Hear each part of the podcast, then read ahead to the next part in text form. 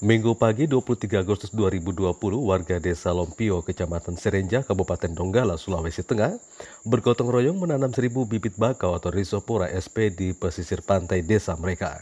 Penanaman bakau atau mangrove itu merupakan upaya warga untuk meminimalisir dampak ombak laut yang menerpa pemukiman penduduk saat terjadinya banjir rob atau banjir yang disebabkan laut yang pasang yang kerap terjadi di desa itu.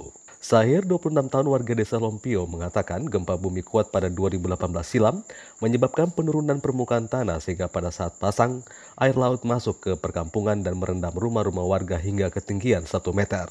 Selain karena gempa kemarin merusak rumah-rumah warga, kemudian mendatangkan bencana baru. Nah, bencana baru itu banjirop. Nah, rumah-rumah yang di pesisir pantai itu, pecahan ombak itu sampai sudah di rumah-rumah warga. Sarwati, 47 tahun, seorang ibu rumah tangga mengatakan dia dan warga lainnya masih menantikan realisasi janji pemerintah untuk membangun rumah hunian tetap bagi warga terdampak gempa bumi 2018. David Lamayuki dari Yayasan Pena Pulu Palu menjelaskan inisiatif penanaman bakau itu berasal dari keinginan warga yang ingin mendapatkan solusi alternatif ketimbang menunggu pembangunan tanggul. Warga juga belajar bahwa di tempat yang terdapat tanaman nipa di ekosistem hutan mangrove cenderung terlindungi dari hantaman ombak pada saat air laut pasang, ketimbang tempat lain yang terbuka.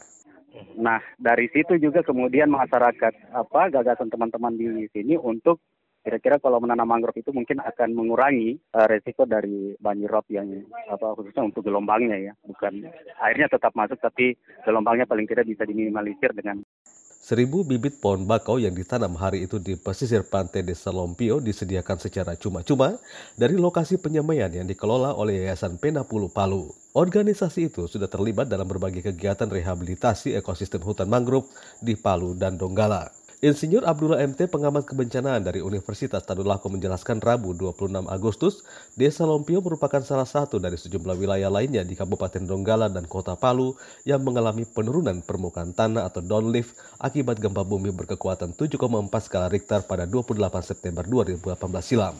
Wilayah-wilayah tersebut diketahui mengalami downlift atau penurunan permukaan tanah nanti dua minggu setelah kejadian gempa 7,4 tersebut. Hal ini diketahui ketika air laut pasang. Wilayah-wilayah tersebut tergenang air laut. Padahal sebelumnya tidak demikian.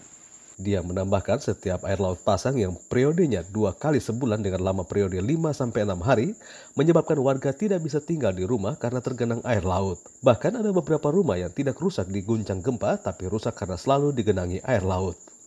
Dari Palu, Sulawesi Tengah, Yohanes Lita melaporkan untuk VOA Washington.